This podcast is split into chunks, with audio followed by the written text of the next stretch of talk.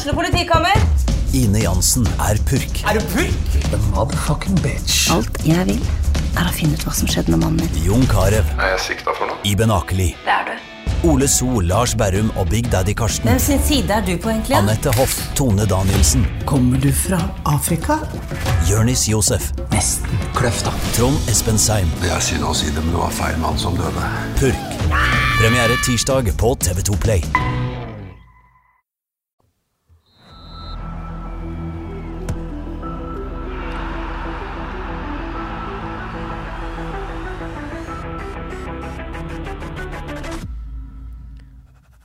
Hei og velkommen til Frelst episode 91. Mitt navn er Terje Flateby. Velkommen, Odd Kåre. Tusen takk til Grøtland, hvis noen skulle være i tvil.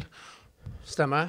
Eller Grøtteland. Det er jo en evig debatt. Det er jo ikke en debatt, men noen som påstår Debatt er vel å overdrive, Odd Kåre. Uten det. Jeg tror ikke det er helt store debatten. Du gidder ikke, ikke ta den debatten.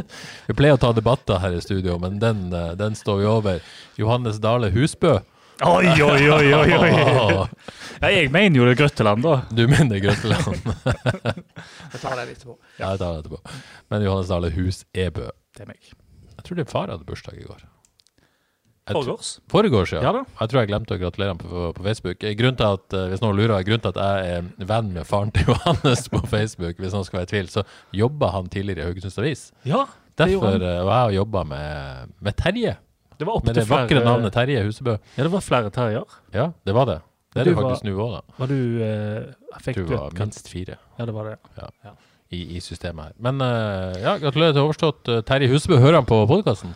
Uh, han er litt Han sier han hører på. Ja, ikke sant? Litt sånn foreldre sier de følger Ja. med, men så gjør de egentlig ikke det. For de syns egentlig ikke det er så gøy. Nettopp. Veldig, 100 veldig hyggelig og sprek fyr. Vi kan jo hilse til han her. Gikk ikke han på skøyter i unge, yngre dager? Det gjorde han. Han ble ganske god. og Han gjør det til og med på eldre dager. Så nå er han blitt eh, 78 år. Ja. Eh, hadde ikke rett i manus, men eh, gøy å gratulere eh, Terje Husebø med dagen. Eh, nå skal jeg iallfall få han til å høre på. ja, det må du. Eh, ellers dagens høydepunkt er at Johannes kommer inn i, inn i, her et, eh, i studio med et uh, ark det står 'God jul, Johannes DH'. Det er mangel på papir, Ja, men det var altså eller resirkulering. ja, altså nå har vi, vi har jo snakket så mye om eh, FKH og den slags i siste, at eh, jeg gikk grundig til verks i dag med å tenke hva fins av ting å snakke om nå? Og så fant jeg ikke papir, men jeg fant et, uh, go, en god jul-konvolutt fra i år, så den brukte jeg da. Ja, jeg pleier jo å stille her uh, i eh, studio med, med papirskrevet ut manus og Ja, penn. Uh, men men printerne er ikke kommet helt opp å gå etter vi har blitt dataangrep, så jeg har, ikke, har liksom manus på, på mobilen og ingen penn, så jeg føler meg litt naken. Ja, skal litt naken ut. så ingen trenger å se, se for seg det, men sånn, sånn har jeg det. Odd Kåre, har du det bra? Ja, egentlig veldig bra. Det er jo snart februar, og gresset er grønt. Det er nesten så det kribler litt, og treningskampene er i gang. Og du kom deg gjennom stormen uh, greit? Ja, kjente han litt, men det er litt gøy òg når det herjer herjer på litt. så Kjente han på gikk, det- da? Så, så lenge det går fint. Ja, det er deilig å kjenne en leve. Ja, ikke minst. Uh, kjente du noe på det i Storhall Karmøy på fredag, eh, Johannes, at du levde? Ja, kjente jo veldig på det, selvfølgelig. Altså, jeg må jo si det. Det, skal jo, altså det skal være, skal det være litt personlig podkast? Ja, ja. Altså, det å være, få et kamera på seg, Ja, det vekker For vi var hadde studiosending eh, Ja. i forbindelse med kampen mot Åsane Jeg får heil, Det vekker bedragersyndrom i meg. Ja, hva vil det si? Det vil si at eh, du, eh, du tenker at du ikke er kompetent til dette her og den slags. Du får sånn der eh, imposter syndrome, heter det vel på engelsk. Ja. Ikke, ikke at det forklarer det noe mer. Men det, det er den følelsen jeg står med når du eh, Men er det lettere å være bedrager her i studio enn det å, enn det å være det Ja, på, det- med kamera kommer? Det løye hvis, du, hvis jeg skriver eh, blogger om spillere Ja, som jeg tror på, eller snakker i poden nå, så det vekker ikke noe sånn følelse. der. Men Nei. en gang kamera får i ansiktet, bedrager. Hm. Hvorfor står jeg her og mener noe sånn foran i fjeset på folk? Ja. Nei, men Det er helt fint, Johannes. Jeg satt hjemme og så på. Ja. Så det er helt fint. Men eh, apropos sitte hjemme og se på, det er noe helt annet å være i hallen. Du får ikke samme inntrykk. Nei. En Fotball er best live, da. Det, Definitivt det er det jeg prøver, prøver å si. Også De lysforholdene i Storhallkammer det er ikke verdens beste. Jeg så uh, Bryne Vard etterpå fra Randaberg Arena. Det var jo en helt annen verden og sånn lys- og seeropplevelse. er dette en, eh, en melding til Ånd Torvestad og Storhall Karmøy? Få på lyset. Er det noen hjemme? Får gjerne mer lys. Ellers eh, er det strålende å være i Storhall Karmøy sånn generelt sett. Ja, Alltid ja, velkommen. eh, gjestfritt, eh, godt opplegg. Aldri noe tull. Litt Men lys, litt dårlig lys, og på trening er det litt kaldt. Litt Det må være lov å si. Men det, det tror jeg skyldes Vi må jo forstå det i disse strømtider. Men det er jo et fantastisk tilskudd til, fantastisk tilskudd til fotballen på Haugaland i den hallen der på Karmøy, altså. Ellers er det jo uh, deadline day i dag. Oi, Uh. Riktignok ikke for norske lag, og f.eks. ikke for polske lag eller østerrikske lag, men eh, en eh, hel del europeiske ligaer har deadline day, ikke minst Frankrike, eh, der det kan skje overgang jeg skal snakke litt om senere, som, som kan bety noe for FK. Men jeg vil bare si at jeg føler at jeg har fått overgangsvinduets desidert beste nyhet nettopp Kulusevski? og det at Christian Eriksen har signert for Brentford. Det syns jeg er vakkert, rett og slett. Wow. Tilbake i Premier League, Christian Eriksen. Eh, ja, Det var breaking for meg. Ja, det er breaking. Se det. Fantastisk. Ja, rett og slett Yes. fantastisk. Ja, men det var jo Det var jo litt venta, det har jo vært rykter om det, men nå er det altså bekrefta på siste dag. Kristian Eriksen altså. Det regner ikke med det er bare sånn Tottenham-hjerte. Det er litt sånn Nei, det var kjekt. Ja. Det var hjertevarmende. Det er det.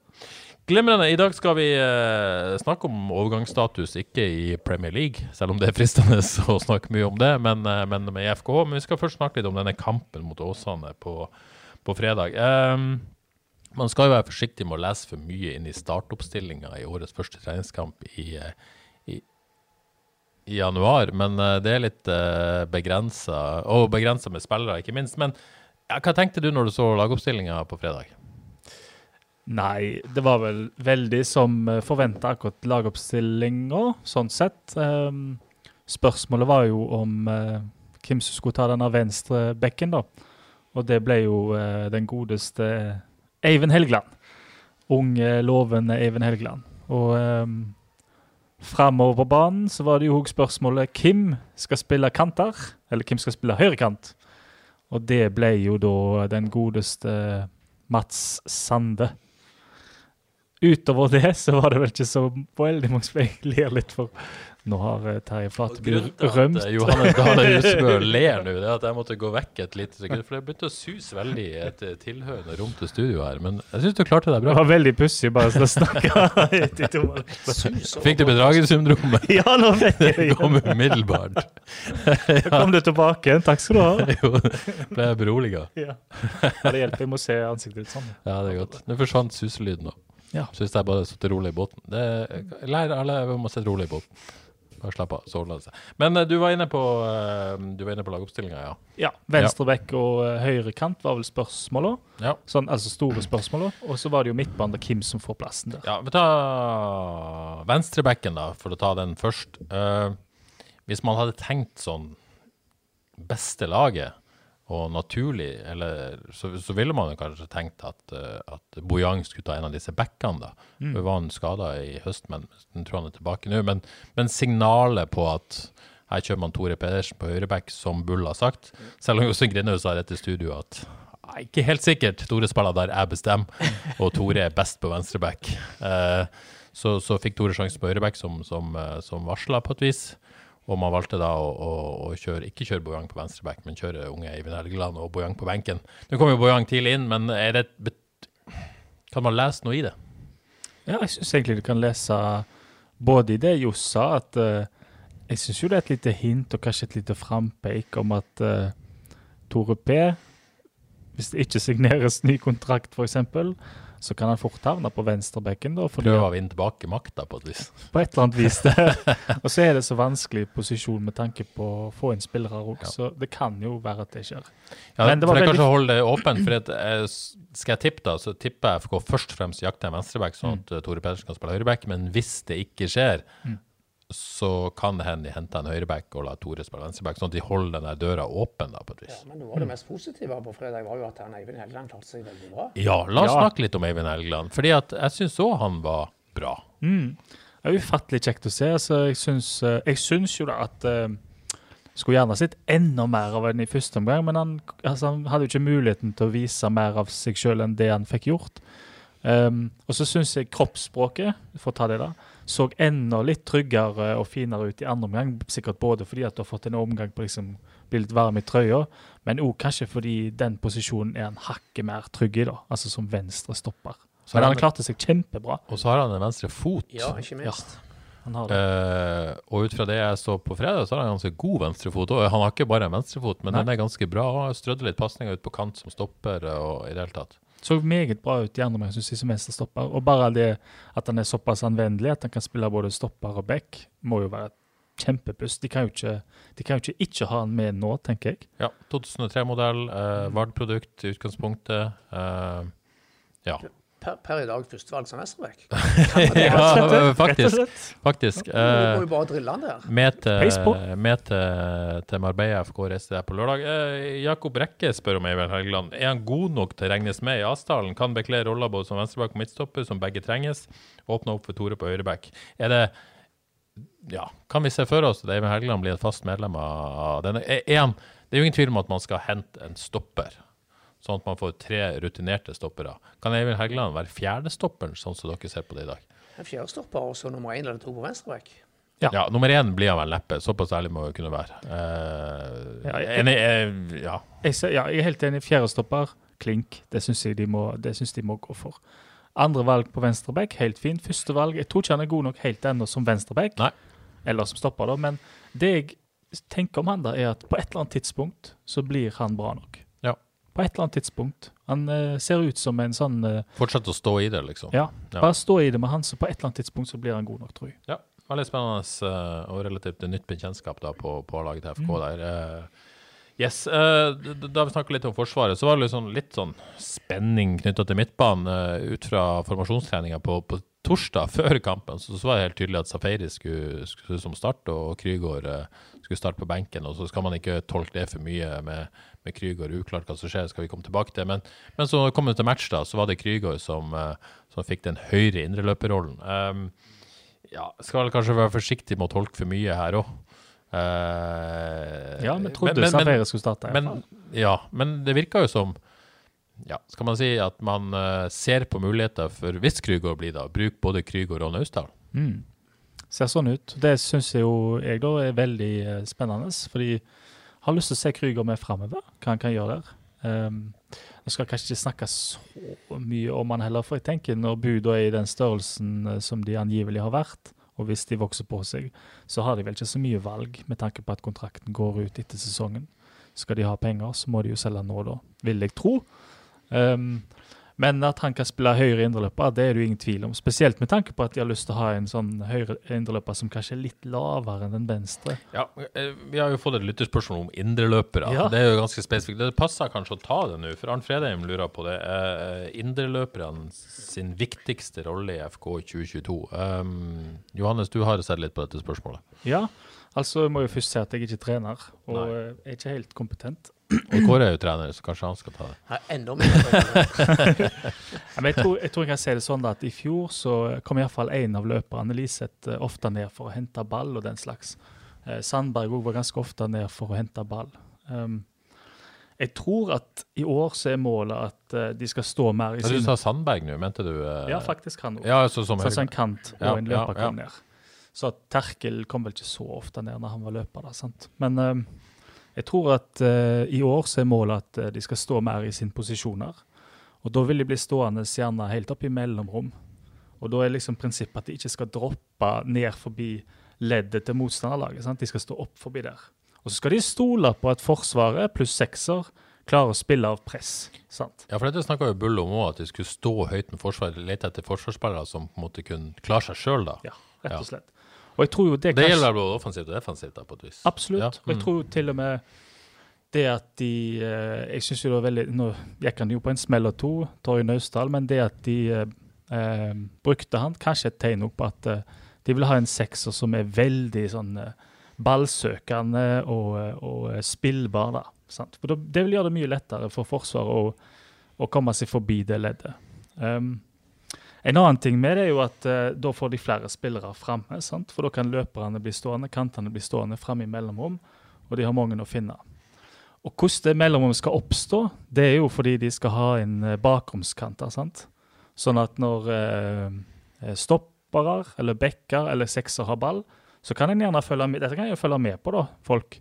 Så stikker gjerne en eller to kanter, og så kommer løperne eh, seg fri i mellomrom og gjerne får ball der. sant? Så de, eh, kantene strekker i det, løperne kommer seg opp, og skaffer seg plass i mellomrom. Og på den måten så eh, En kom plutselig helt lenge, eh, mye lenger fram i banen. Uh, det, men dette handler vel litt om balanse òg, hvis man på en måte ikke får, uh, har kantspillere. Hvis man skulle ende opp med kantspillere som ikke er så bakromsøkende, så må kanskje indreløperne ta også mer av den rollen der. Ja. Så det handler vel om totaliteten her, Ja, og det, og balanse. det tror jeg ville ha vært litt uh, sant, kanskje eh, så, så I fjor så er det jo, du har jo ikke bakromskanter i Velde og Sandberg. og Sandberg gikk jo ofte ned òg. Eh, og det er jo litt pga. spillertypen han er, men det er òg litt fordi at eh, kanskje ikke eh, sekseren har vært den type sekser som skal ha ball hele tida og styre det så mye. da.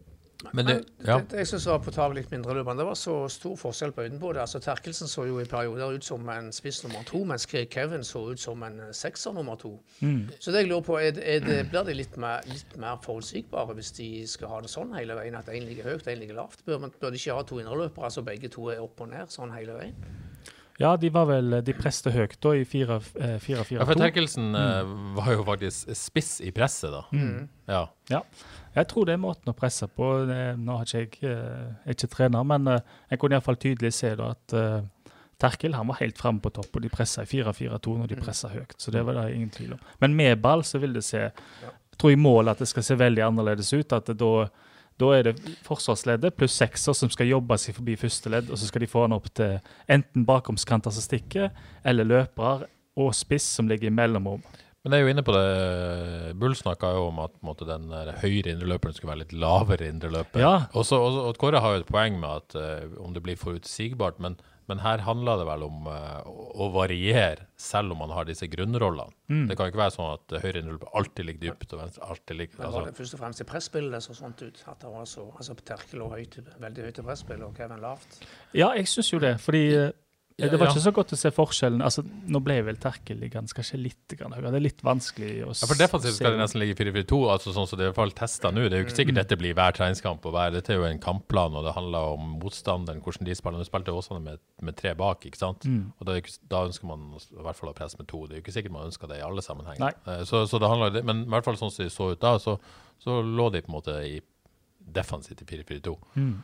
Ja. Og, og ja, da lå jo både Krygård og Naustdal sentralt eh, dyp. De også. Men Ja. når, når FK hadde ball, så var, i fall, var det jo ganske tydelig at Naustdal droppa ned veldig og Mm. hadde mye ball. og og var en sentral del av spillet, da, rett og slett. Men hvordan de gjør med den høyre indreløperen, det vet jeg ikke helt ennå. Nei, nei det, det, det er jo tidlig å se. Eh, Men uh, Naustdal er jo en slags nøkkel her, da. Ja, det tror jeg. Uh, og det virker jo som, uh, igjen tidlig, jeg skal ikke konkludere for mye og trekke for mye ut av en treningskamp, men det virker jo som de har lyst til å få han til i den dype. Mm. At de ser for seg at han har ferdigheter til å tillate at uh, indreløperne kan gå høyt, at de Mm. kan stå høyere og alt dette her. Eh, men så er det jo Skal han jo prestere òg, da. Ja, det det. altså, bør han ikke gjøre blundrer? Eh, s- jo, i januar kan han gjøre det. Ja, sånn. Men han hadde liksom, og det har vi jo sett tidligere, at han er såpass ambisiøs i spillestil. Kanskje litt eh, ikke så god på risikovurdering enda. Uh, hadde to stygge blundere. Den første før til 0-1. Eh, og det, de, de, de, de, må jo luke av seg hvis han Ja, selvfø- rollen. ja, altså selvfølgelig. selvfølgelig lov å gjøre en feil av og til, men det kan ikke skje to på kort tid mot Åsane. Nei, men som du sier, det kan, kan gjerne gjøre det i januar. Men dette handler om, om drilling. altså. La, la han få spille på den plassen og bli varm i trøya, så, så går det seg til. altså. Men jeg venter fortsatt litt, vent, venter litt på han litt ennå. altså, at eh, Ja. han, kan, han kan ikke bare trille ball til side og altså, gjøre det relativt enkelt. Men vi må forvente litt mer av han enn det han har vist så langt, føler jeg. Jeg, jeg er enig. Om, men det jeg likte, da eh, Nå bli- skal, ender vel ofte opp som en sånn forsvarer. Men eh, Han er jo din men, Du har jo scouta han, tross alt. tross alt. Men det jeg likte godt med han, og liker godt med han, er tilnærminga. sant? Han er ny på nivået, han er ung. Um, hvordan skal en bli trygg i rolla? Du må liksom flakse litt med vinger, du må ta litt i ballen, du må føre han litt, du må være spillbar. Og jeg liker det. Han forsøker å gjøre seg sjøl stor og gjøre rolla si eh, ordentlig og tydelig. Og det likte jeg veldig godt. Så kan han være tøffere i valgene, og han må definitivt eh, få vekk den der eh, nonsjalansen som han har litt. Um, men tilnærminga den er jeg veldig stor fan av, fordi da, da føler jeg det kommer til å bli bra på et eller annet tidspunkt. Ja, jeg liker veldig bra det. Jeg vil alltid ha ballen. Ja, alltid. Tydeligvis en veldig bra mentalitet på det. Og, men eh, det er jo noe komplementært her i forhold til duellkraft totalt. I, i, og så blir det jo spennende når Liseth kommer tilbake, hvordan denne sammensetninga blir. Er, er det Liseth og Terkelsen som er de to som konkurrerer om samme, eller vil på en måte Terkelsen ja, Han har jo spilt mest høyre indreløper på et vis. Ja. Kan vi få se en midtbane med, med Naustdal, Terkelsen og Liseth? Hvordan vil det løse da? Så det er jo, og, og hva skjer med Krygård, ikke minst, som, som jeg tror Blir han, så, så er han ganske soleklar i elveren, tror jeg. Så skal Serfeire spille, kanskje det? Jo, jo, han skal jo òg. Det er et helsike. Hvem skal spille det? Ja, nei, det er luksusproblem. Men hva er deres midtbane per nå? Jeg syns det, synes det er vanskelig å si. Hva er det for et svar? da? Ja, nei, altså per nå, hva Ja. det du sa? Her og nå. Uh, Med Liseth skadefri, da. Ja, ut, ut, fra det jeg har sett nå, så, så ville jeg vært såpass eh, Såpass konservativ og kjørt Krygård, eh, Liseth og Terkelsen som, Ja. som trygge, og så må Naustdal og Safaris slå seg inn i denne midtbanen. Mm. Men, men jeg har jo veldig lyst til å se Safaris, og jeg har veldig lyst til å se at Naustdal fungerer og får det til. Mm. Så ja. Men nå er Liseth eh, langt unna. Eh, dårlig nytt der. Eh, jeg har altså lagd en sak på det på fredag. Eh, ja. Kampklar først tidligst til Marbella 2, Mm. altså i, i mars. Eh, Håper rekk, satser på rekk seriestart, og det er jo eh, Det åpner jo opp for andre, men det er ikke noe god nyhet. Nei, det var jo nesten litt er sjokkerende at det er tross alt så nærme Ja. òg, da. Selv om det er stund til. Vi er jo snart i februar, ja. I morgen, faktisk. Jeg tror sjansen for at Krüger forsvinner er jo ganske stor, men vi snakker tross, som du sier, om det faktisk et luksusproblem her, oppi alle disse krisene vi har Ja. snakket om Det gjør vi. på midtbanen. Midtbanen ser iallfall jækla bra ut. Det- Ja, Den gjør jo kanskje ikke det på papiret, gjør han det. Men jeg, jeg vet ikke om vi kan slå det fast ut fra det vi så mot Åsane. Nei, nei, Nei, men nei, men potensial Potensial og mulighetene er der. Uh, mener jeg. Så kan du se det. Det ser jækla bra ut. Terningkast seks, spør du meg. Ja, terningkast seks har jo du faktisk gitt denne midtbanen. Uh, ja. Uh, Fronttreeren uh, Sande fikk jo litt sånn varsla sjansen på den høyrekanten. eh, eh, du sa vel at dette var mer sånn placeholder i, i mangel av noe annet. Det er ikke, vi kommer ikke til å få se det fra start spesielt ofte, tror du da? Nei, tror jeg ikke. Nei. Rett og slett. Og viste vel ikke noe sånn spesielt, Mats Sande. Litt. Mats Sande-aktig Ja, kamp, eller? syns jeg. Ja. Enig. Han ser jo bra ut på så mange Ja, men han er ganske kvikk og Ja, har et ja, godt ja. touch og alt Ja, det der, men det er liksom uh, En lurer jo på hva blir det ut av. Ja, dessverre. Badou på venstrekant var jo er på en måte blitt hans nye rolle. Det skal teste han der. eh, og Kåre var jo veldig aktiv i starten av kampen. Ja, ikke, har ikke det vært litt typisk han? Jo, kanskje. Det falt litt vekk. Men jeg, jeg ser jo på han som, som banker. Så altså, han må jo bare få tillit. Og det, det er litt sånn ha, halvvilt, holdt jeg på å si ennå. Men han har jo den fantastiske farten sin. og ja, Han må bare få spille, han, og bli håper jeg, varm i trøya og varme med ballen. Ja, jeg er enig. Han, Så, eh, så får vi den bakomstrusselen vi savna så veldig eh, i fjor. Hvis de først skal ha bakomskanter, som de sier, og han eh, leverte tross alt såpass at han ble vel delt toppskårer i fjor, jeg er ikke helt sikker på det, på ikke så mange minutter, så vilt i litt vilt, og presspill er ikke alltid sånn som de vil ha det, tipper jeg, men uh, du verden for en evne han har til å være uh, den som er der når det skal avsluttes. Så nei, han må få, få en ordentlig sjanse, han nå, rett og slett. Og jeg syns faktisk han, eh, han overraska meg positivt. Så ganske bra ut der eh, når FKH var bra. Sant? For når FK ikke var bra, så var ikke han heller bra. Um, og så har han jo fått seg en sånn flott eh, målsveis. Ja, Det blir mål med sånt hår. det blir mål som et sånt hår. Men eh, hvorfor skåra han ikke på, på fredag? Fordi han hadde noen ganske svære sjanser. Jeg vil si takk og lov. Takk og lov, ja. Ja, for jeg Holder han sulten? Nei, men som eks-spiss så visste jeg at uh, jeg har et visst antall mål i meg. og det er ikke altfor mange. Ikke ta de ut mot Åsane. så ikke, ikke skår i treningskamper og på trening og sånt. Da, det var et godt tegn. Men det var han som kom til denne headinga, var det ikke det? Jo, kjempeheading fra herlighet. Kunne vært tre meter, liksom. At ikke Ja. det ble mål, var ganske utrolig. Hadde vel en ok sjanse til. Og og vi har jo nesten glemt å snakke om selve kampen her. Eh, Ja, FK åpna jo veldig bra. Ja. Uh, trykte skikkelig til. Litt, litt, minte litt om treningskampen mot Åsane i fjor, som vi uh, har snakka altfor mye om. Mm. Uh, ikke, ikke fullt så ekstremt, men, men trykka jo skikkelig til første 20 der. Ja, jeg fikk uh, en melding som jeg så etterpå, at en, eh, hva skal vi si, en godt etablert trener sa wow, FKH ser ut som Åsane. Litt, litt på tull, da. Men at eh, de holdt ballen i lag og så fine ut eh, relasjonelt og posisjonelt. eh, det var iallfall hans take på det. Og eh, ja. ja, nei, de første 20 minuttene også, så så de jo virkelig farlige og aggressive og fine ut. Burde jo leda ja, med et par mål. Absolutt. Men, Ja. men de så vel ut som et OK lag òg, med alle disse juniorrekruttene på banen mot, mot slutten. ikke det? De klarte seg jo jammen bra, da. Syns det var positivt. Jeg.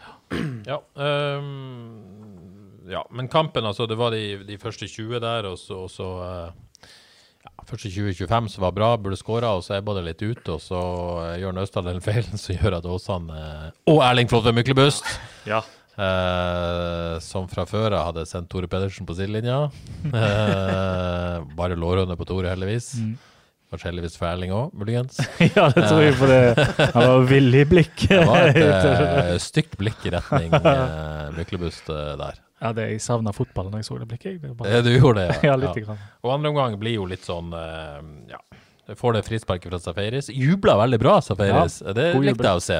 Selv om han hadde deflection og bare rulla bort der, så, så var det som om han hadde satt han i krysset omtrent. Det blir, blir kjekt. Altså, en gir blir så godt Ja. når jeg ser han. Han ser eh, bra ut. Intensiteten og frekvensen er så deilige. Og så ble det jo enorme utskiftninger siste 30, disse ungguttene kom inn, og det ba ut med en en. Eh, Men, men det ble jo ikke sånn klart Åsa-overtak nødvendigvis heller. Nå er liksom ikke jeg Åsan-ekspert, så jeg vet ikke hvor sterkt de stilte på slutten her, men, men de hadde jo ikke noe dårlig lag på slutten. Nei, telte litt opp, og eh, det var bra med etablerte der eh, som spilte. og selv om FK En kan vel kanskje ikke si at noen hadde helt overtaket. Det var en veldig sånn jevn Ja. stilling i andre omgang, iallfall siste 30 der. Så, og det betyr jo at eh, FK med juniorlag, rent juniorlag omtrent, klarte seg veldig bra. Ja, de gjorde det. Veldig jevnt. Ikke det store sjansebonanzaen alt, eh, egentlig heller. Uh, Erling Flåtve Myklebust, uh, gøy å se det, Kåre. Det ser uh, kan etablere seg dette Ja, Åsane-laget. veldig kjekt. Det var jo fint, veldig fint for han da han fikk den skåringen Ja. så tidlig. Jeg er veldig, veldig spent på hva han kan passere i første divisjon.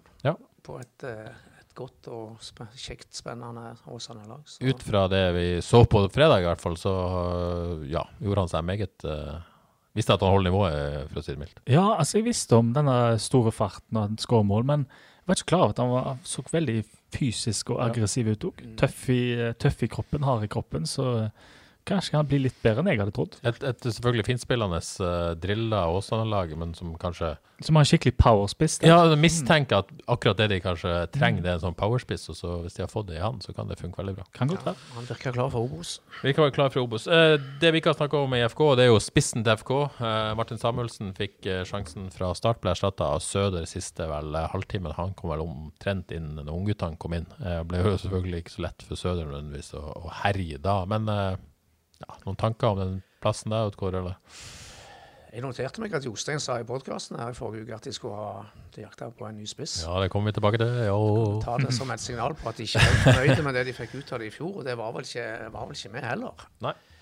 Så eh, jeg så vel ikke noe Ja, hva så vi egentlig på, på fredag? Nei, så vi så mye, Johannes? Jeg syns det var vanskelig å få så voldsomt mye ut av det, akkurat det. Med spissplassen. Ja. Men eh, kan vi svinge innom ungguttene? Ja, vi skal, vi skal svinge Vi kan svinge dit nå, Ja. for det står, står på lista mi her. Ja. La oss svinge innom. For du, eh, jeg satt jo med deg i, eh, i Stål Karmøy mens vi venta på Vi skulle tilbake på skjermen og være bedragere. Du du ble litt forelska i en uh, Ja, unggutt, hvis det er lov å si. Ja. Og nå holdt jeg på å si jeg fikk sitte med far og sønn uh, her, Flateby. Ja, det det var jo veldig stas. Ja. Men den unggutten jeg ble forelska i, det var Sander Håvik Innvær. ja, litt crush fra ham fra før av òg. Ja, jeg har det. du har nevnt ham før? Ja. Jeg har det. Ja. Men det er noe med eh, Det er noe med den der eh, For det første Det unødvendige hårbåndet, det må vi selvfølgelig løfte fram, som ikke trengs det i det hele tatt. Jo, men det er noe, ja. Jeg ser Ja. poenget. Det er noe med den stilen, den der eh, litt lett fremover. Han er klar for, han er klar for moro, for å si det sånn. Ja. Og men det jeg Jeg hadde så han takla òg.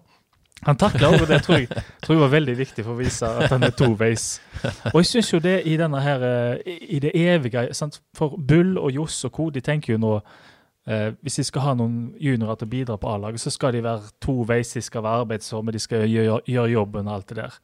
Men så har du en spiller som eh, Sander Håvik Innvær, som har et potensial til å være den som drar av spillere, som skaper ubalanse, som eh, kommer seg forbi ledd. Og hvis en tenker i et større perspektiv, da FKH eh, har sånn eh, passe økonomi, får vi si. Ja. Spillere er jo økonomi. Det er det. Spillere som blir solgt for høye summer, som Kristoffer Welde. Det er der verdiene ligger.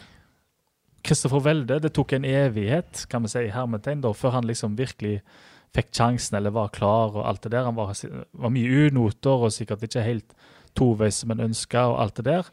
Um, og det var jo ganske nære at han bare forsvant ut dørene. Ja, han var jo på London S. Sotra og fikk det ikke til der. Og, og Mm. ja, jeg vil jo det var Jostein Helgeland Nei, Jostein Helgeland. Jostein Grindhaug som, eh, som Jostein Helgeland Der ser du hva korona har gjort med meg.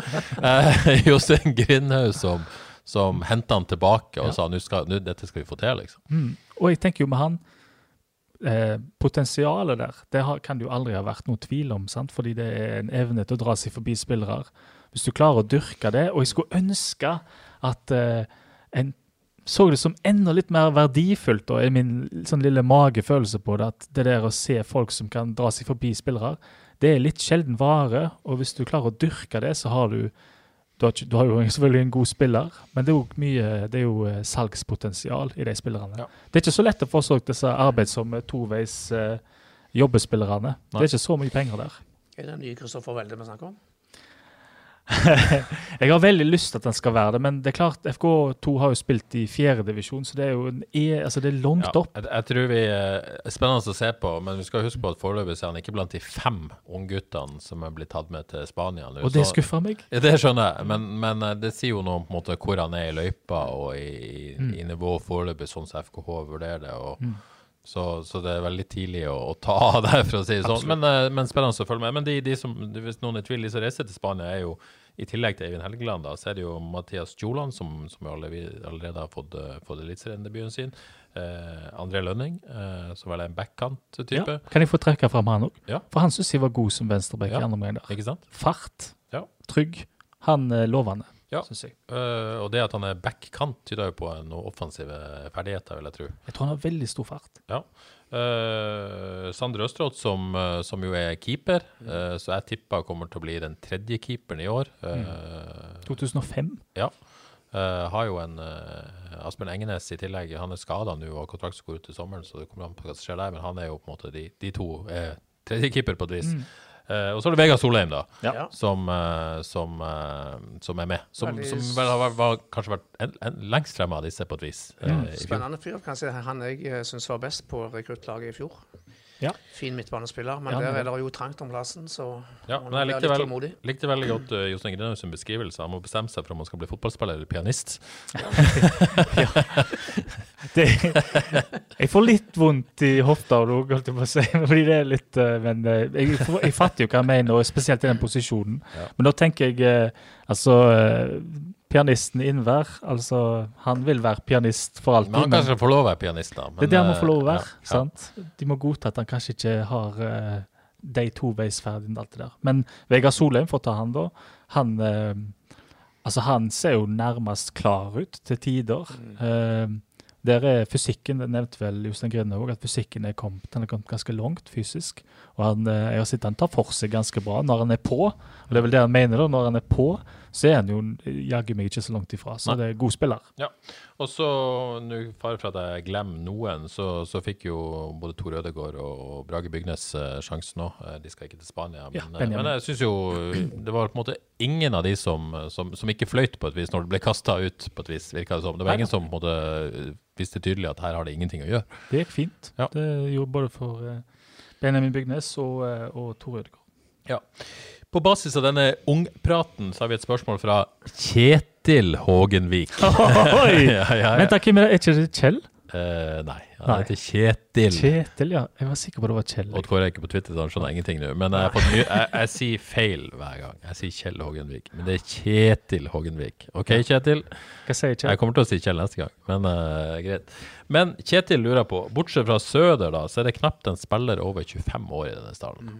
Eh, er det for ungt og urutinert? Er det, er, trenger man erfaring og rutiner? Bør det stå øverst på ønskelista? Er det for stille, snilt og forsiktig, liksom?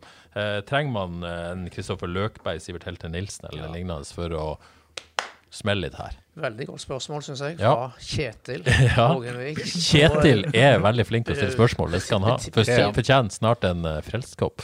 Har han ikke fått kopp? Eh, Jeg er usikker. Nei, men det Eh, Kjetil, gi, gi en, eh, en, en melding til Frelst. Hvis du ikke har fått kopp, så skal du få en kopp, for det fortjener du. Godt og betimelig spørsmål. Jeg er helt enig. Det har trengs, altså Når de nå jakter spillere, altså midtstopper, eventuelt uh, spiss her, og det, det må inn litt rutine her, og litt, litt mer sjefstyper. Ja, og ting tyder på at de tenker litt sånn, fordi at uh, uh, Jostein Grine sa jo til meg forrige mandag her i dette studioet at de liksom, den midtstopperen de vil ha en, på en måte ja, en sjef. Og, og, og, til kollega Geir etter kampen på fredag så ser, sier han også at de trenger flere voksne spillere. Mm.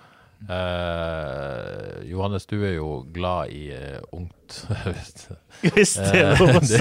Hvis det er lov å si. Men uh, det var ikke sånn Det er det verste jeg har hørt. men flere voksne. okay. du er glad når FKH satser på unge spillere? Tusen takk. Det er du glad for. Um, ok, Men da kan jeg, jeg kan ta og melde min Jeg melder min uenighet, jeg. Du melder din Ja, for det er liksom Er det, er det en klisjé at man må ha den rutinen Altså, Sondre Liseth er jo ganske rutinert, selv om han er ung. Egil Selvik er ganske rutinert, selv om Ulrik Fredriksen er rutinert. Mm. Uh, Alexander Søderlund, Martin Samuelsen ja. Uh, ja. Jeg syns jo at um, nå når det kanskje er litt sånn eh, Hvis du tar Søder ut av det, da, sant? så er det litt uh, For han er jo Jeg tror mange ser på hans Altså, det er leder. Men bortsett fra han, så er det litt sånn åpent hvem som kan være, skal være leder. Og jeg syns at i ei gruppe sånn som det er nå, hvor det er litt sånn usikkerhet, så er jeg ikke så sikker på at det om det kommer inn en erfaren glefsebikkje inn, gjør ting så mye bedre. Jeg tror det kan være vel så interessant og lurt å bare la det ligge litt. Fordi da kommer de, noen av de unge kommer til å vokse fram som ledere. Helt sikkert. Det er det som skjer. Sånn som Ulrik Fredriksen. Jeg tror han tenker hm, det er noen eldre her, men hvis det ikke hadde vært det, så kunne jeg jammen prøvd meg som leder, prøvd å tatt mer ansvar, prøvd å tatt tak. Og jeg tenker at Hvis en bare lar det ligge litt, så kommer han til å vokse fram som en leder. Helt sikkert. Tore Pedersen. Han kan vokse fram som en leder. Han kan ta ansvar. Så jeg håper at de bare lar det hvile litt, ligge litt, um, og så vokser de fram av seg sjøl. Hva skal du si nå før jeg ja, jeg kommer med fasit? Det er veldig, veldig god, god tanke, det Johanne sier. Men, men, poenget mitt er vel at FK trenger ledere nå, og de trengte det i fjor høst. Så her tror tror ikke vi skal vente for lenge. Ja, for det er jo interessant. Det er jo på en måte gjenkomne sutrekulturen opp. Og, altså, noen som på en måte tar tak og, det, og setter skapet på plass. da. På, men, men, jeg er egentlig kanskje ikke så opptatt av alder. Jeg er mer uh, opptatt av uh, egenskaper. Mm. Og jo, disse egenskapene kommer jo gjerne med alder, så det henger jo sammen. Men, men jeg skjønner poenget med at kanskje det er litt snilt. Ja. at man trenger en, en litt sånn drittsekk der ute på banen som, som, går foran. Jeg er litt sånn usikker på om den spilleren er der. Terkelsen ja. har vel sett at har potensialet til å bli det, da. Han var jo veldig kaptein. kaptein. Ja, fikk mm. kapteinspinn uh, nå og, og, på en måte kan være den, uh, den, men han må komme enda mer ut av skinnet, tenker jeg. Ja, Hvis han skal ta den rollen. Men da synes jeg, uh, da vil jeg tilbake til poenget mitt. Eksempel en Terkel er han som sikkert har tenkt jeg kan være leder i dette laget, bare gi meg sjansen. Ja, ja. Og den syns jeg han tok virkelig. Men det, jeg har bare lyst til å si det òg, at hvis noen glefser på Kristoffer Welde i fjor Kommer det til å hjelpe? Det kommer ikke til å hjelpe det. Det vet jo vi bedre enn noen som fikk eh, fingeren fra ja, ja, ja. Så at, uh, han uh, må strykes med hår, sant? må oppmuntres og den slags. Og det med lederroller syns jeg er utrolig interessant. Um, for å ta Viking, da. Det er jo, regner han jo kanskje som Løkberg som leder, fordi han liksom er kjeftesmeller, da, i hermetegn. Men jeg ser jo den For meg er det tydelige lederen er jo Du har jo vet om Berisha i kraft av at han aldri gir seg. Og så har du en annen som eh, er kanskje den definitivt leder for meg. Det er Joe Bell. Alltid spillbar, alltid eh, konstruktiv, alltid mulig å finne. Eh, han går foran uansett hvordan de ligger an. Og det, det inspirerer det. Og det for meg er leder. En som inspirerer. Ja, for lederskap kan jo være så mye uh, Igjen tilbake til Jostein Grinnes at jeg forrige mandag. Så, så, snakka han jo liksom om, om typer. Snakka om Per Morten Kristiansen, som var en sånn type leder som leda, selv om han ikke var en skrikhals. Han leda med autoritet, leda med mm. ro. Uh, og, og, det indre livet i FK-garderoben, det, det kan man jo tenke noe om, men vi sitter ikke der, da, på et vis. Nei. Så eh, jeg stoler litt på den vurderinga de gjør i FK i forhold til hva de trenger av personlige egenskaper inn i den troppen. Og jeg, mm. jeg ser poenget til Kåre, man kan ikke vente for lenge, fordi at troppen trenger lederskap. Man har mista Benjamin Tidemann, som jeg tror var en, en, en, en av lederne i gruppa. Så spørsmålet liksom, Potensialet til de andre syns jeg er veldig vanskelig å vurdere klokt knytta sammen. Ja, på et vis, men, men, jeg, men, jeg, er enig med begge på et vis. fordi at uh, Hvis det er noen de tror kan ta den rollen kjempebra, Men de kan ikke vente De kan ikke vente en sesong og se om det er noen som kanskje tar det. De må være ganske sikre, Ja. for det trenger lederskap. Kan jeg skyte en der, Odd Kåre? Vil du si Terje er han en, eh, en Kristoffer Løkberg, Løkberg eller en Joe Bell? Eh, Joe Bell. Mest Joe Bell. Han inspirerer. Har oversikten og inspirerer. Se der. Oi, oi, oi. Får ikke bedre ord enn det. Nei, takk. Takk, for det. Uh, nok om meg. Uh, la oss snakke litt om overgangsmarkedet. Eh, FK det går mot en løsning i kommunen. Papirene kom ut i dag, ble offentlige. Det går mot den løsninga som, som både vi og VG har erfart, at, at de da eh, gjelder slettes mot at det legges på to år til eh, i enden av avtaleperioden. Eh, kjenner jo ikke detaljene her, men Odd Kåre, hva, god løsning, eller? Ja, veldig bra. Jeg, eh, Klokt. Jeg ja, vil gjerne vite hvem som fant på dette. Ja! Jeg gøy. spurte jo, jeg spurte jo Kallheim om dette Ja. før, før helga, for jeg var jo litt eh, opptatt av hvem, Hvem? hvem Ja. hadde funnet på dette. Ja. For jeg syns jo sjøl det var nesten genialt. Ja. Vel, veldig, veldig god løsning. Kreativt. For ned, nedbetaling ville jo bare vært et problem, for i dag har det ikke blitt kvitt gjelda og lisens og sånn. Så det, jeg klarte ikke tenkt dette, for å si det sånn. Også så enkelt, Ja, egentlig. ja, så enkelt. God løsning. Spiselig for alle, tror jeg, og, og veldig bra. Men han, han påsto det var De hadde snakket mye sammen, og dette var noe som hadde kommet Altså opp. Alle som, han- eh, alle som, som har vært involvert i sånne typer, eller snakka sammen, vet jo at noen kommer jo opp med det. Ja, Men han, eh, Dette må vi finne ut av. Ja. Jeg vil erfare noe her. han mente det var godt lagspill, men han skulle gjerne visst hvem som akkurat kom på den løsningen. Ja, men det må han- vi klare å finne ut han av. eller- Han eller hun fortjener ros. Det er litt sånn så det er ingen som egentlig har tatt ansvar for at noen foreslo Johan Riise. Nei. Arne Utvik prøvde å ta litt ære. Norvald Kallheim antyda at det var kanskje han som kasta det opp. Men jeg ville vite hvem. Ja. Ja, det må vi få vite. Men uh, Johannes Enemod Kåre, god løsning. ja, dette her.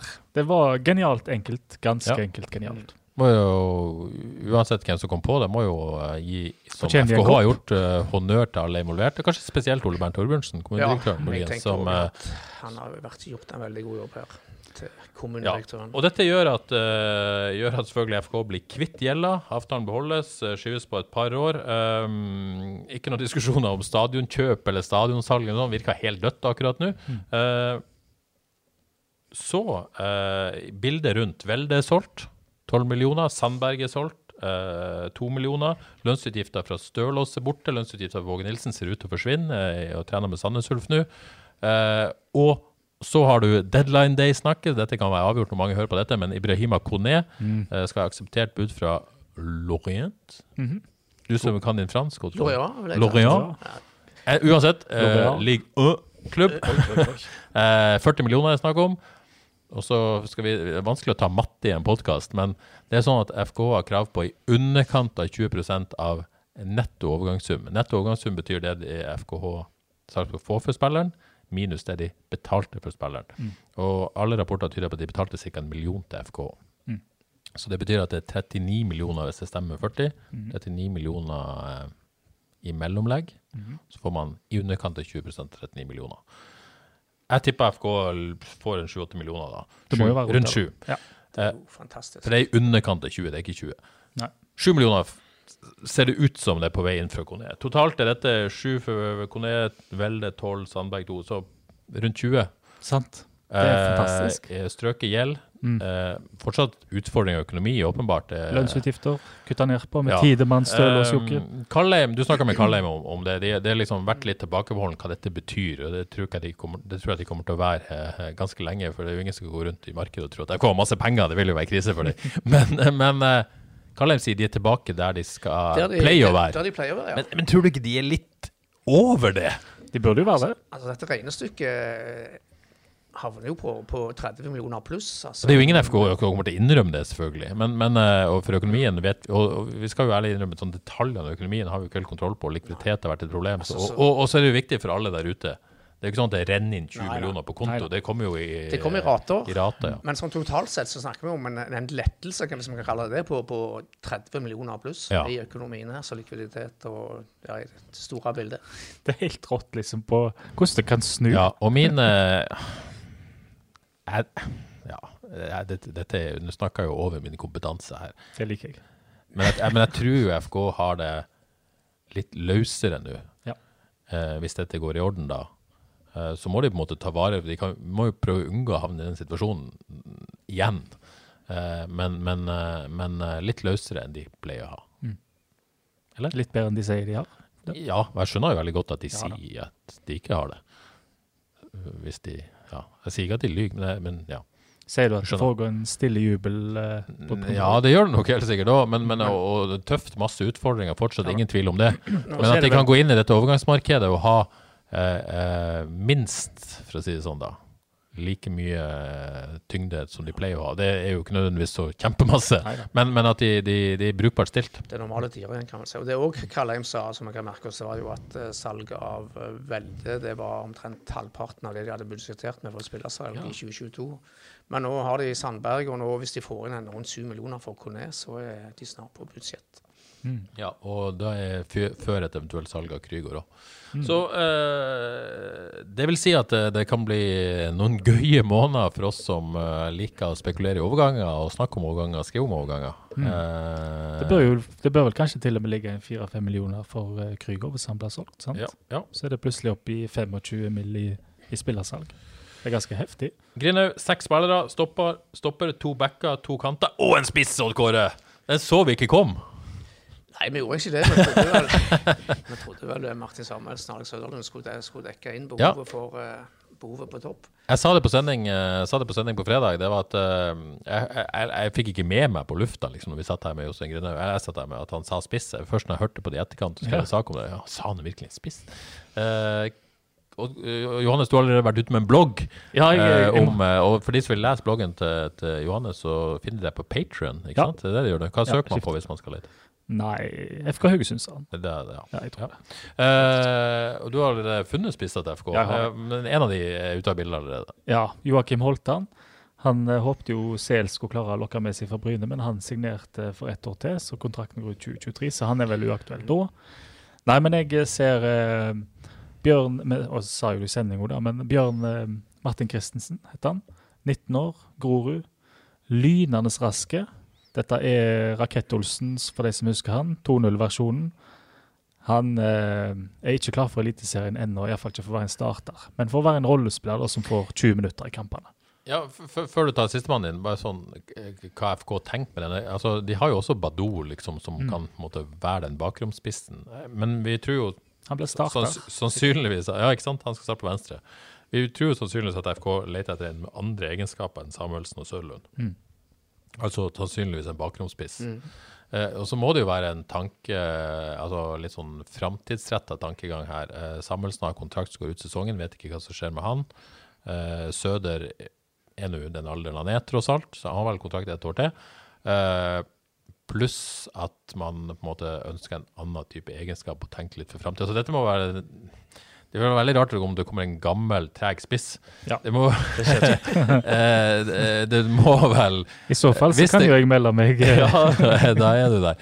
Det må jo være en, en ung som, som tåler å sette en del på benken i Eliteserien i år, som er, er, har fart og avslutteregenskaper. Det, Mm.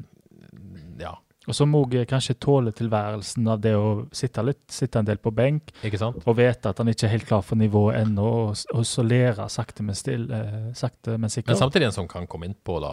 Og, Ja. Så det jo For han fikk, jo, han fikk jo sjansen egentlig først i fjor, han, i Obos, og så ble han nesten sånn et lite gjennombrudd med en gang, for han skåra fem mål, vel, tror jeg det var. Så eh, Nei, som rollespiller, så eh, Og da kikker jeg gjennom alle klubber i Norge, i Obos eh, og Eliteserie, og det mener han må være meget godt valg, for han ble ikke så dyr heller, tror jeg. Ja. Så vet vi jo foreløpig ikke så mye om, om uh, hva de uh, konkrete navnene Nå er det ofte sånn at FK venter til det internasjonale overgangsvinduet stenger, og så har de en del prospekter, og så begynner de på en måte for alvor å kunne ta tak i det når, når det internasjonale overgangsvinduet stenger, når på en måte de togene er gått for enkelte spillere. Så, så så mye vet vi ikke. Men et navn som dukka opp i forrige uke, var jo Fredrik Børsting i, i Aalborg. Det var snakk om et eh, fra dansk media bud på 700 000, sånn som jeg forstår det, så var det ikke så høyt. Uh, har jeg hørt. Uh, men men uh, uansett, helt klart at FK har bydd på Fredrik Børsting. Var han spiss. Han er høyrekant. Ja, du er jo Danmark-eksperten til Frelst, Johannes. Eh, Ja, det har, ja. det har litt av, men jeg kjenner jo ganske godt til han, da. Ja. Han har jo eh, gått over 200 kamper for Aalborg. En skikkelig sånn eh, som eh, Jeg tror de har regna med som en klubbmann som blir der livet ut, egentlig. Eh, klassiske egenskaper med Altså anvendelighet. Han kan spille i mange posisjoner. Eh, jevnt over, god på det meste. Toveis, tofota, OK fart, aggressiv. ferdigheten ferdighet med ball er ganske OK, det òg. Så å se han for seg i FKH, det er veldig, veldig lett. Men er han en sånn FK-spiller, sånn, eh, litt sånn krigerkant, da? Ja, nesten sånn uh, Jakob Sørensensk, men med litt mer Okay, Nå blir bare Kåre så glad. når du ser ja, men med litt mer eh, power og kanskje litt mer defensivt orientert. Men, men er han den bakromskanten de snakker om? Nei, det, er det- det, jeg ikke, der det jeg liksom- ikke forstår helt, da. Um, så, for det syns jeg jo ikke han er helt. Men um, For han har, han har OK fart, men det er ikke den der som starter. Så mer for meg vinnerball høyt i banen. Mm. sant? Um, men at han kunne vært en nyttig spiller, er det null tvil om. Så det, jeg håper de høyner budet der. Ja, ikke noe Kontrakt. nytt der eh, foreløpig, men kontrakten er ute i sommeren. I sommeren. Ja, så, så det, det taler jo for at, som- Overgangsvinduet i Danmark stenger jo i dag, så hvis han måtte gått internt i Danmark, så skjer det i dag. Uh, og, så, og så tipper jeg jo det, det er bare venter på det, og så får vi se om han forsvinner. Ja, for Hvis han ikke forsvinner i dag, så går kontrakten ut. og da må, Hvis de skal ha penger for han. Ja. Inge André Olsen han er glad i uh, Litt inn og ut av laget i Aalborg nå, eller? Ja, han har vært det i år. Ja. Så uh, jeg vil tro at med kontrakten som er på vei ut, han er litt inn ut av laget. De har lyst til å selge. Ja, han har virker bare sugen på noe nytt han nå, ut fra de, de sitatene jeg har sett i dansk medie. Så det, det, det må jo være muligheter her for at det løser seg. Uh, spilte Martin Samuelsen i Aalborg selvfølgelig også. Ja, Forsi eh, Funtes. han. Eh, når det gjelder utfronten, så venter vi jo på Kevin Martin Krüger og hva som skjer der. Ikke noe nytt, så vidt eh, vi har hørt. Før vi, eh, før vi går på ut, Terje, det er en vi ikke har snakket om, han her Sissoko. Sissoko, ja. ja. Eh, Det var litt Ja, jeg- vanskelig, vanskelig å få noe inntrykk av han hjemme i sofaen. Jeg vil gjerne komme med en uforbeholden unnskyldning til Sissoko, for jeg skrev en, en sak om Christos Safaris før kampen på fredag, og omtalte han som FKs eneste nykommer før sesongen. Eh, men det stemmer jo ikke. Eh, Jeg har jo henta Sissoko fra Senegal. Eh, og mm, Johannes, vi har sett han litt på trening, vi har sett han eh, nå i kamp, da. Eh, ja, ser vel ikke helt klar ut for Eliteserien. Og det, det har jo FK vært tydelig på, dette er en utviklingsspiller. Jeg tror det blir mye eh, tredjedivisjon. Ja. Um, ser jo at han kan ha litt ferdigheter når han fører ball, um, men et godt stykke unna ennå, vil jeg si. Ja, og det er jo vel naturlig. altså Du skal være veldig veldig god for å ta det nivået med en gang når du kommer fra et helt annet kontinent, en annen spillestil og et annet underlag og annen kultur. altså Det er mye som skal falle på plass selvfølgelig for unge Sissoko. Men uh, spennende å se hva som skjer der. Mm. Uh, men ikke en, en, en spiller vi kan forvente i en uh, Eliteserien med det første, i hvert fall. Sånn. Nei, jeg tror ikke det. Eh, så var det jo litt sånn skumle Terkelsen-rykter før helga. Superligaklubber er interessert. Eh, de, det det stenger jo vinduet i dag, så den på en måte må vi, må vi være litt obs på. Men han er jo i Spania med, med FKH, så vidt vi vet. Um, ja, vi har ikke lyst til at FK skal miste Peter Terkelsen, har vi det? Nei, med tanke på hva hva har mista, så vil vi definitivt ikke det. Nei. Han har vært en av de viktigste spillerne, i, eh, i hvert fall i, i fjor. Og fikk kapteinspillet nå. Et tydelig signal på at dette er en spiller de vil ha og trenger. Ja, tror du det var et litt sånn uh, signal òg? ikke stikk, Pete. Ja, det, det håper jeg virkelig. Fordi vi snakket jo tidligere om ledere og den slags, og, men det, og der kan vi være uenige. Men jeg, der jeg tror vi er enige, er at uh, i ren duellkraft, sant? Det å ta duellene som FKH er kjent for å være god på, der er han ekstremt viktig. Og der har de eh, Uten han så, blir en litt mer usikker i, i midtbaneleddet, så han må de beholde, virkelig. Ja, for han har egenskaper som kanskje ikke de andre midtbanespillerne har i, i de duellkraftene du nevner. Og det å dukke opp i boks og, Absolutt. hodestyrke og i det hele tatt. Det håper jeg vi får se mer av uh, i år, da, at han dukker opp i den boksen. Ja, så han skal være høy, ja sant. hø- høy. Alle muligheter. Han blir enda bedre i år. Men eh, hvor lang kontrakt har han 2023? Eh, Det har jeg faktisk her. Eh, Stiller selvfølgelig forberedt. Oi, oi, oi. Eh, Sommeren 2024. Sant. Så har ett og et halvt år igjen, da. Så Ja. Sommeren, hvis han på en måte blir en attraktiv spiller, så er jo kanskje sommervinduet nå det, det er perfekte å selge den på, på et vis. Er det Eh, to år til da uansett? Da er det, det er to år til, ja, det faktisk. Ja, 2024, ja. Nei, da, da har jeg jo god tid. Da er ikke, Ja. ikke noe stress med sommeren uansett. Nei, men det er strålende. Um, skal jeg ta alle kontraktene? skal ikke det. Jeg sier ja når du spør. Men Jeg skal absolutt ikke det. Men eh, det er jo interessant å se på kontrakter med tanke på, eh, på tanke på hva som skal skje i år. Um, Ulrik Fredriksen har en kontrakt som går ut um, etter denne sesongen, så det er litt tid. Men, men den, i år er det jo Tore Pedersen og Mm. Kevin Martin Krüger som har kontrakter som, som haster mest. Eh, Ja, og Samuelsen, da. Mm, eh, etter det så er det, så er det Fredriksen i 23 og Mats Sande i 23. Mm. Det er vel de som Og Badou faktisk i 23. Og Sørlund i 23. Så det Mm. kommer jo et, en røys der, men det er ikke noe stress. Det er de to eh, De tre på 22 som er mest eh, Mm. Mest aktuell for fornying. Uh, Skal vi ikke diskutere Tor Pedersen? Jo. Sånn, vi skal, ikke, vi, vi skal ikke diskutere høyre-venstreback, men det som blir interessant Tore Pedersen har sagt nå at uh, han avventer vinduet, Ja. og så skal han bestemme seg hva han gjør. Uh, vinduet er i ferd med å stenge, så er det liksom åpent i Polen Mm. i februar. Det er Østerrike stenger 8. februar. Så det er noen europeiske land som har Så det er noen muligheter. Men det interessante med Tore Pedersen er når vinduet stenger nå, kommer han til å sette seg ned og skrive, signere ny kontrakt med FK, eller velger han å eh, bare gå ut kontrakten? Så det blir gøy å følge med på. Vi skal ikke diskutere det, men eh, det blir interessant. Hva tror dere da? Jeg vet ikke, jeg er usikker. Han, er, jeg, han slår meg som en sånn lojal klubbfyr på mange måter, så derfor signerer han kontrakt. Men han har jo signalisert at kanskje det er på tide å begynne å tenke litt på seg sjøl òg. så jeg, ja, jeg vet ikke. Jeg vet ikke. Hadde han vært eh, 22, så har jeg ikke vært i tvil om at han hadde signert ny Nei. kontrakt. Da har han eh, gjort som Kristoffer Welde, sørga for at FK fikk noe. Litt usikker om han føler han skylder FK like mye nå. Nei. Jeg syns han kan jeg synes Og jeg skjønner begge deler. Ja. Eh, De må for all del ikke slippe han nå, spør du meg. Nei, det, vi, Det- altså, det Grina det- Grine har jo skrytt masse av Tore Pedersen de siste ukene, så det er tydelig at eh, ja, viktig spiller. De kan ikke miste han i år. Eh, om, de, om de må slippe han gratis, så syns jeg faktisk i dette tilfellet at det er OK. Ja. Det er OK. Ett lytterspørsmål igjen før vi gir oss, og det er Thomas Ustad som eh, lurer på Odd Kåre Grøtlands vurdering eller, av kampen på lørdag. Vil ha en rapport derfra. Og når han snakka om kampen, Thomas Ustad, så tror jeg han snakka om FKH damer mot FKHs G14-lag. For der var du, Odd Kåre. Der var jeg. Storhall Karmøy ble flytta inn pga. uværet. Motsetning til fredag. Nå tenkte jeg, nå- tenkte jeg nå må jeg ut og se live. ja, Nei, det var snakker om damelaget FK, ja. Ja. Første treningskamp. Det var da mot guttelag. Fire ganger 20 minutter. Så så, så var det. Men jeg, var- jeg syns det så bra ut.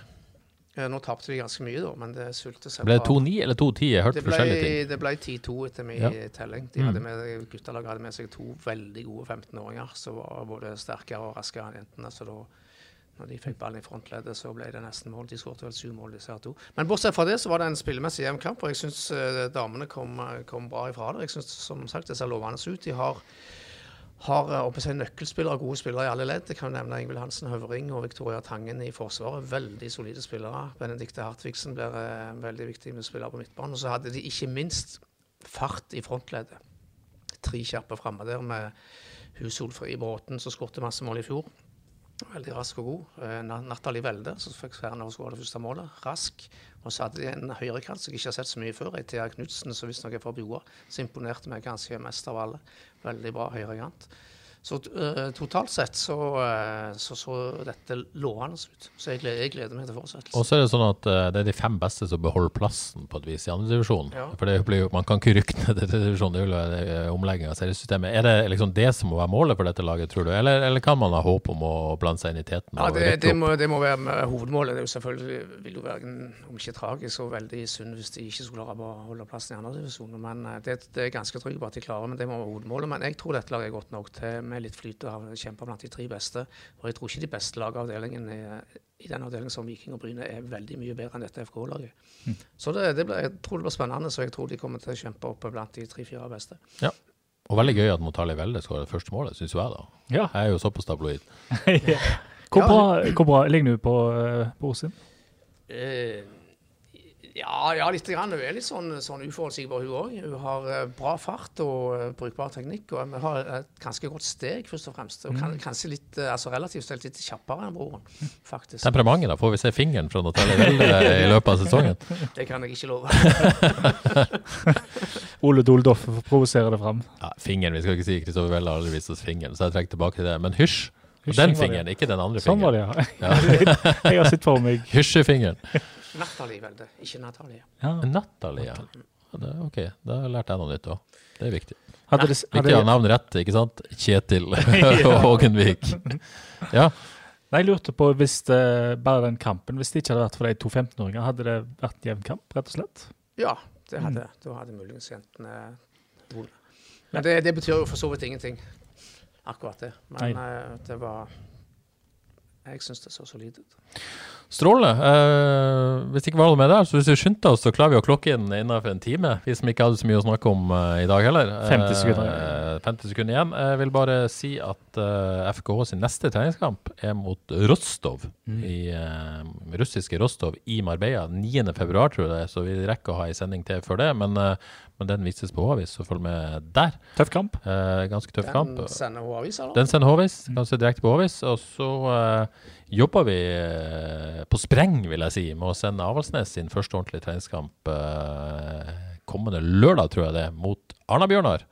Skal spilles på trått. Møtes på halvveien der. med Jon Arne Riise sin første kamp som eh, De har vel kanskje møtt Avaldsnes sitt eh, guttelag. Ja, men, det, guttelag, men men- det gleder vi oss til. men eh, ordentlig toppseriemotstand får teste seg der. Følg med, følg med. Jeg tror vi skal få det til. Men vi jobber i hvert fall med å få sendt den kampen på lørdag, så følg med på Havis eh, for det. Tusen takk for innsatsen, Johannes og Kåre. Selv takk. Så er vi kanskje tilbake Vi frelste i hvert fall tilbake på mandag. Om disse to om jeg slipper inn i studio en gang til, det er jeg litt usikker på. Jeg tror det. De oppfører seg fint den neste uka. Tar du- med en Jet 11 òg, da? Eller er vi ferdige? Ah, Jet eh, Det er ferdig. Vi, vi, vi, det, nei, det er nok ikke ferdig, men jeg føler at det er jo såpass eh, tids, sånn begrensa konsept med elvere. på et vis. Eh, sånn at vi må spare det til sesong, i hvert fall. Så må vi se om kanskje jeg finner på noe nytt. Jeg skal gå i podkast-tenkeboksen. Mm. Eh, overraske dere med noe annet, kanskje. Men eh, vi skal ha en eh, Jeg skal ha meg en egen brainstorming. Tar jo ikke dere med på råd på noe, selvfølgelig. Ja, du er sånn Kanskje Kåre. Du er hers, liker å herske òg. Så ble du kalt Joe Bell nettopp, og så Ja. kjører du denne her Ja, det er veldig lite meg, egentlig. Men jeg bare tøffer meg, egentlig. Med det så gir vi oss. Tusen takk for at du har holdt ut med oss så lenge. Setter veldig pris på at du hører på eh, Frelst, og anbefaler gjerne en Frelst til en venn. Hvis du eh, har sånne som liker å høre på fotball. Med det sier vi takk for i dag, og ha det bra.